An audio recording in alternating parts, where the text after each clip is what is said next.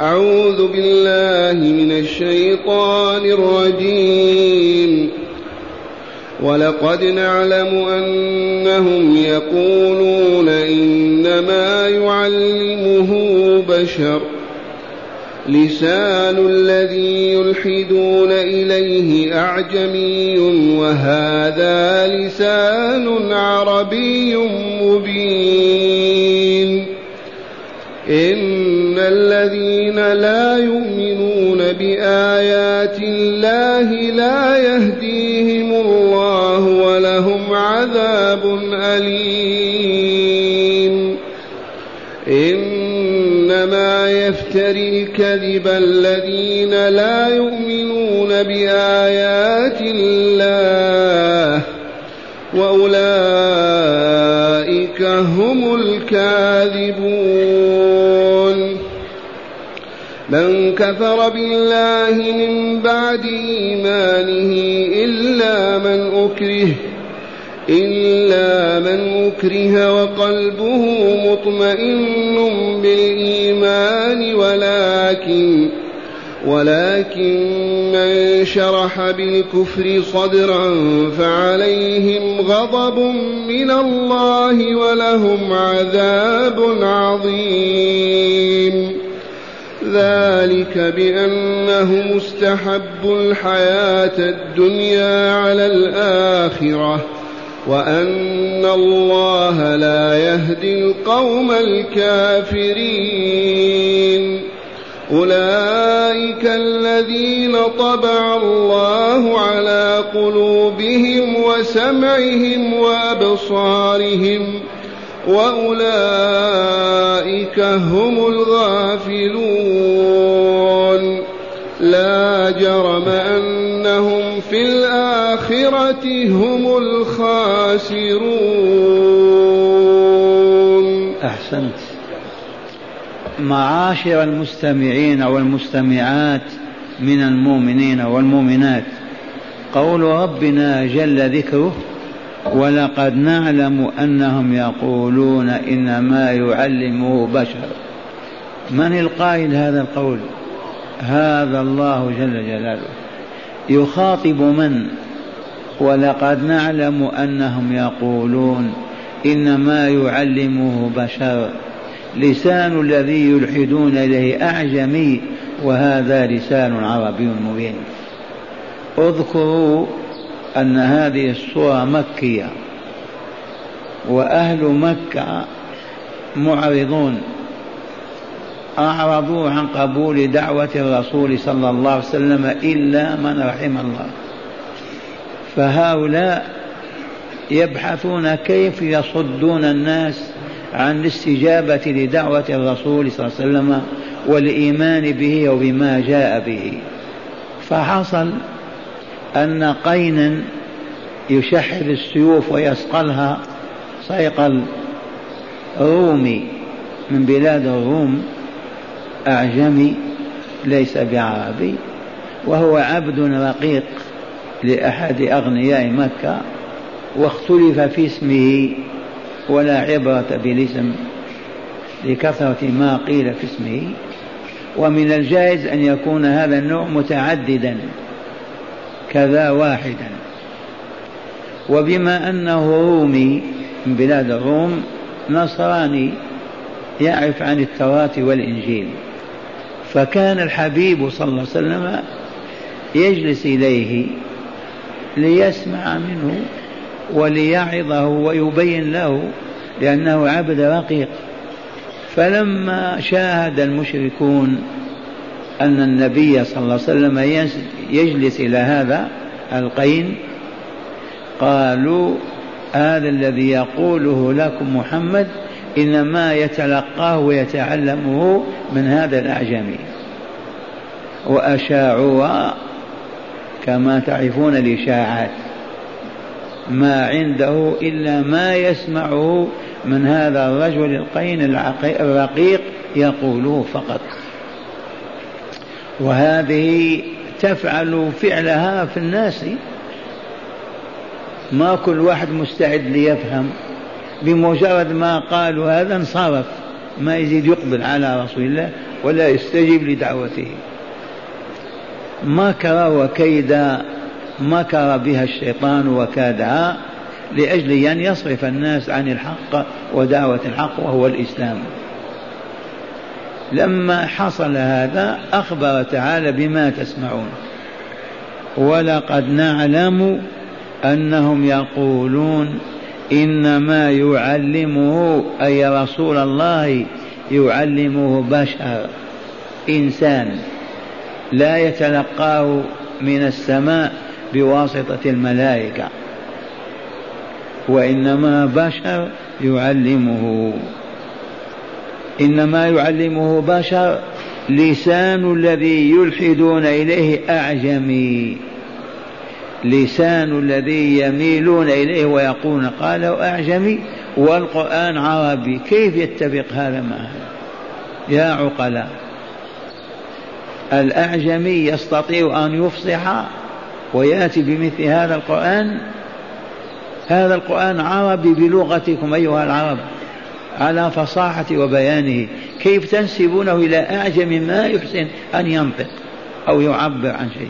لسان الذي يلحدون إليه ويميلون ويقول هو القائل أعجمي وهذا أي القرآن لسان عربي مبين واضح بين لا غموض فيه ولا خفاء فأبطل تلك الفرية وقضى عليها. هذه الجملة أسكتت الذين يروجون أن النبي يتلقى علومه من أعجمي بالبيان والحجة أسكتهم. إذ قال تعالى ولقد نعلم أنهم يقولون من هم هؤلاء المشركون العرب في مكة. إنما يعلمه أي محمد صلى الله عليه وسلم بشر. ما هو ملك؟ كما يقول جبريل ينزل علي. ما بشر؟ فقال تعالى لسان الذي يلحدون إليه ويميلون أعجمي وهذا لسان عربي مبين كيف تصدقهم فيما يقولون لا قيمة لدعواهم وافتراهم أبدا ولم يبقى إلا أن الرسول يتلقى كلام الله بواسطة الملك من السماء إلى الأرض ما هو بإنسان أبدا والفرية باطلة أعجمي. يفصح هذه الفصاحة ويبين هذا البيان مستحيل. ثم قال تعالى إن الذين لا يؤمنون بآيات الله لا يهديهم الله ولهم عذاب أليم. هذا الخبر ذو شأن عظيم. هذا الخبر العظيم من أخبار الله الحق. اسمع ما يقول تعالى إن الذين لا يؤمنون بآيات الله القرآنية التنزيلية أو الكونية أو المعجزات النبوية الذين لا يؤمنون بآيات الله لا يهديهم الله. والله ما يهتدون. إذ طريق الهداية أن تؤمن بكلام الله ورسوله. فإذا أغلقت الباب عن نفسك قلت ما أتابع الرسول ولا أقول ما يقول كيف تهتدي؟ مستحيل. وإلى هذه الساعة الذي ما يؤمن بكلام الله القرآن العظيم ويقرأه ويعمل بما فيه والله ما يهتدي. أبدا لا يهتدي إلى طريق السعادة والكمال لا في الدنيا ولا في الآخرة. هذا الخبر له شأنه. إن الذين لا يؤمنون بآيات الله لا يهديهم الله ولهم عذاب أليم. موجع. ما هذا العذاب ليس عذاب الدنيا الفانية الزائلة. هذا عذاب الدار الآخرة الباقية الخالدة. عذاب أليم. في دار الشقاء في جهنم والعياذ بالله تعالى. وإن قلت وما السر علمناه يا شيخ. ما دام قد كفر بالقرآن وأنكره وكذب به أغلق في وجه باب الهداية والله ما يهتدي فإذا لم يهتدي كيف تكون نفسه؟ أخبث من الشياطين منتنة عفنا عليها ظلمتها. لأن الهداية هي التي تزكي النفس وتطهر يصوم ويصلي ويجاهد ويرابط ويذكر الله تطيب نفسه وتطهر. فما دام كذب الرسول أو القرآن وكفر على أي شيء تطيب نفسه وتزكو؟ لا شيء وإنما تخبث وتتعفن وتتدسى. ومن ثم مستحيل في حقه أن يدخل دار النعيم دار الجنة. وهذا الحكم مقرر في كتاب الله وكررنا القول فيه ما ننساه ابدا. الله يقول اسمع قد أفلح من زكاها وقد خاب من دساها. من يرد على الله؟ هذا هذا الحكم الإلهي يحلف الله عليه بأيمان ما حلف بها الا على حكم في مثل هذا الحكم. وإليكموها والشمس وضحاها والقمر إذا تلاها والنهار إذا جلاها والليل إذا يغشاها والسماء وما بناها والأرض وما طحاها ونفس وما سواها فألهمها فجورها وتقواها. ذي أيمان كم؟ يحلف على ماذا؟ على قوله قد أفلح من زكاها وقد خاب من دسها ومن هنا كن ابن من شئت أو أبا لمن شئت وانتسب إلى من شئت. فلا عبرة بنسب قط.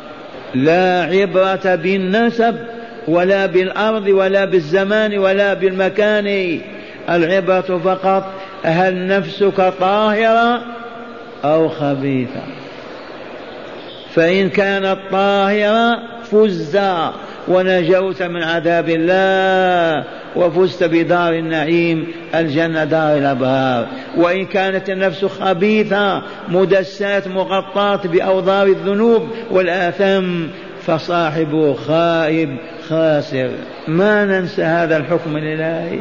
قد أفلح من زكى نفسه يعمل بنفسه على تطهيرها وغسلها وتنظيفها وتطيبها. لا تزكى له وتطيب. هذا الذي أفلح والفلاح عند الله الفوز بالنجاة من النار ودخول الجنة دار الأبرار. إذ قال تعالى كل نفس ذائقة الموت. هذا حكم صارم قاطع وإلا لا؟ في من ينقضه يقول إلا نفس بني فلان. كل نفس ذائقة الموت وإنما توفون أجوركم يوم القيامة. اعملوا في هذه الدنيا خيرا أو شرا فلا جزاء هنا. الجزاء في دار الجزاء في الدار الآخرة لا في الدار الأولى. ما تعمل وتقول لماذا ما أعطيت ولماذا ما ظفرت؟ بكذا وكذا وأنا أصوم وأصلي. هذه الدار ليست دار جزاء دار عمل. اعمل فقط. والجزاء في الدار الآخرة. واسمع قوله تعالى كل نفس ذائقة الموت. وإنما توفون أجوركم يوم القيامة. متى نوفى أجور عملنا؟ هذا يوم القيامة. ما هو اليوم؟ فمن زحزح عن النار وأدخل الجنة فقد فاز. هذه الآية العظيمة. ومعنا لطائف. فقد يعمل العبد المؤمن الصالح أعمالا صالحة وإذا ابتلي بفقر أو بمرض لا يقول كيف أنا أصوم وأصلي وأتهجد وأصاب.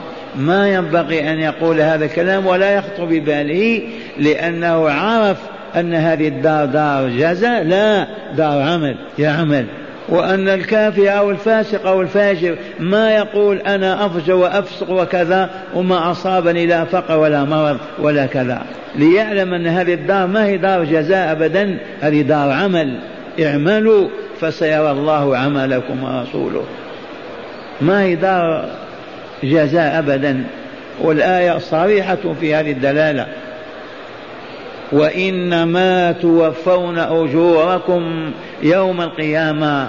من هم الذين لهم أجور؟ كل من بلغ سن التكليف وعمل خيرا أو شرا يثاب ويجزى بعمله.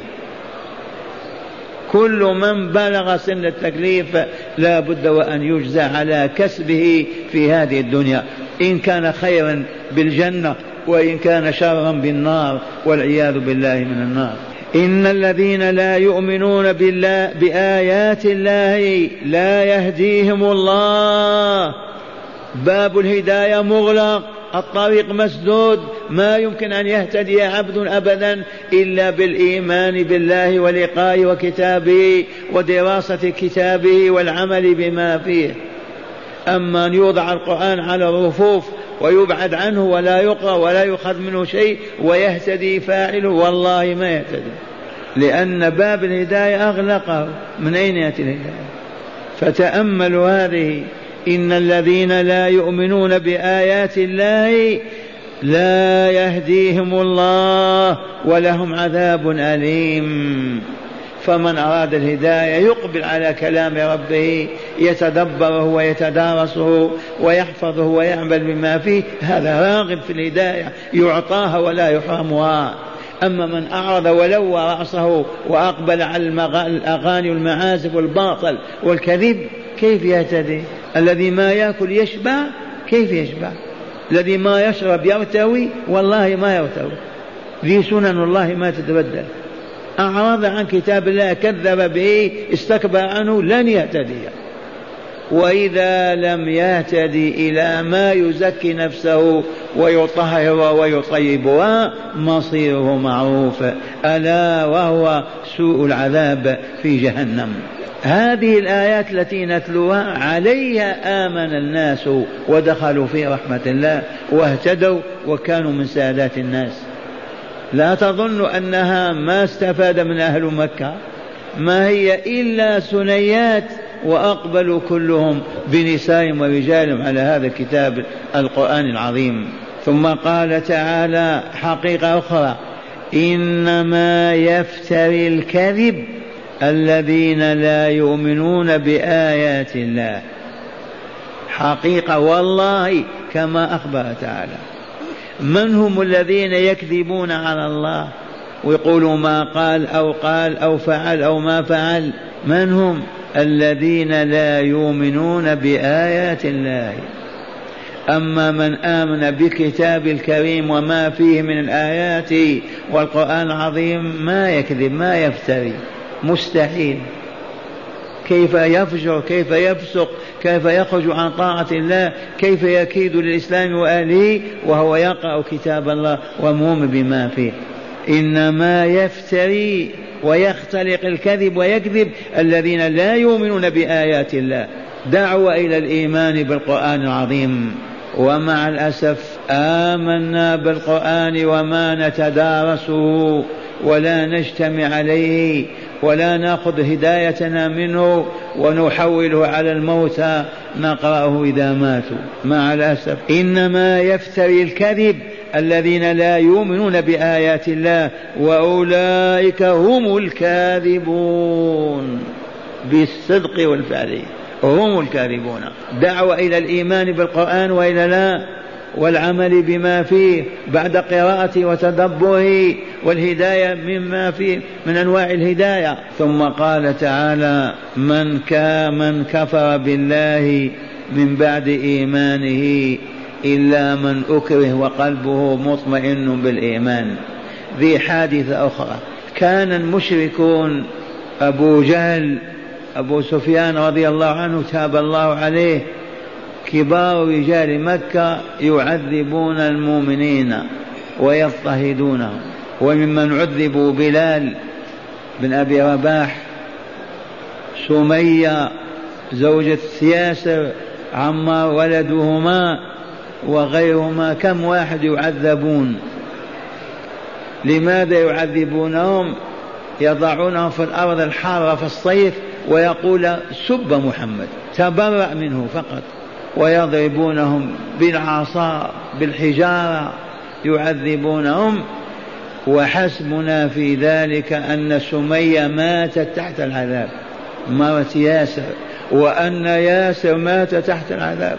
الأم وزوج المرأة وزوجها كلاهما عذبوهما فمات تحت العذاب. إلا عمار ولدهما. لما كان مكتوفا في الحرب الحارة والمشركون على رأسه يضربونه ويقولون سب محمد اذكر كذا. مر به الرسول صلى الله عليه وسلم وقال له يا عمار أعطيهم. صبرا يا آل ياسر فإن موعدكم الجنة. صبرا يا آل ياسر فإن موعدكم الجنة. أعطيهم يا عمار. أعطيهم قول الكلام الذي يقولون. وشح وشح وصدرك مطمئن ساكن بالإيمان يعرف أن ما يقولونه باطل. إذا فنزلت فيهم هذه الآية. واسمعوها. من كفر بالله من بعد إيمانه اللهم إلا من أكره وقلبه مطمئن بالإيمان. هذا ناجي. وأما من كفر بالله بعدما آمن وارتد والعياذ بالله وانشرح صدره بالكفر هذا عليه غضب الله وله العذاب الأليم. أما من أكره بالحديد والنار وقلبه مطمئن هادي ساكن لا إله إلا الله محمد رسول الله صلى الله عليه وسلم والدار الآخرة حق فهذا ما يؤثر فيه ذلك الكلام الذي قاله. ولا يسود نفسه ولا يخبط روحه أبدا لأنه مكره. ما هو مختار وما هو راضي. ولكن من هو الذي يعذب من شرح صدره للكفر واطمأن به؟ مما يروى أن عبد الله بن حذافة السهمي كأن أسر في بلاد الروم على عهد عمر. أسر.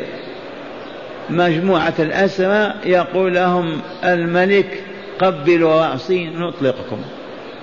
أبى عبد الله بن حذافة أن يقبل رأسه. ومضت أيام وأطلق الأسرى ذاك الرومي وعادوا. فقيل لعمر هذا فلان كان كذا وكذا. فقام فقبل رأسه.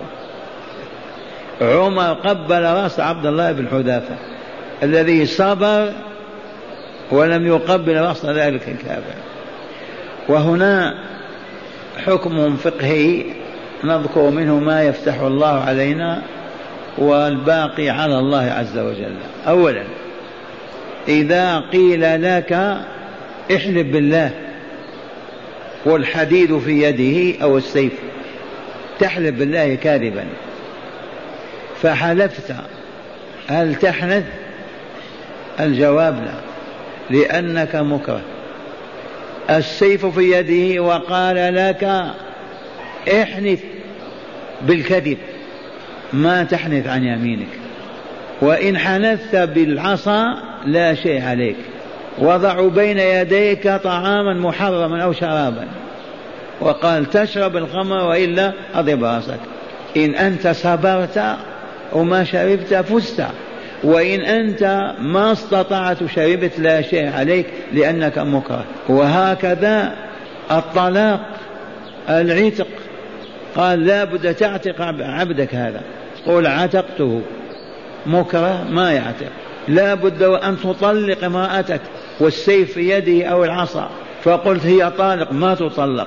هذه كلها داخلة تحت قول الله تعالى إلا من أكره وقلبه مطمئن بالإيمان.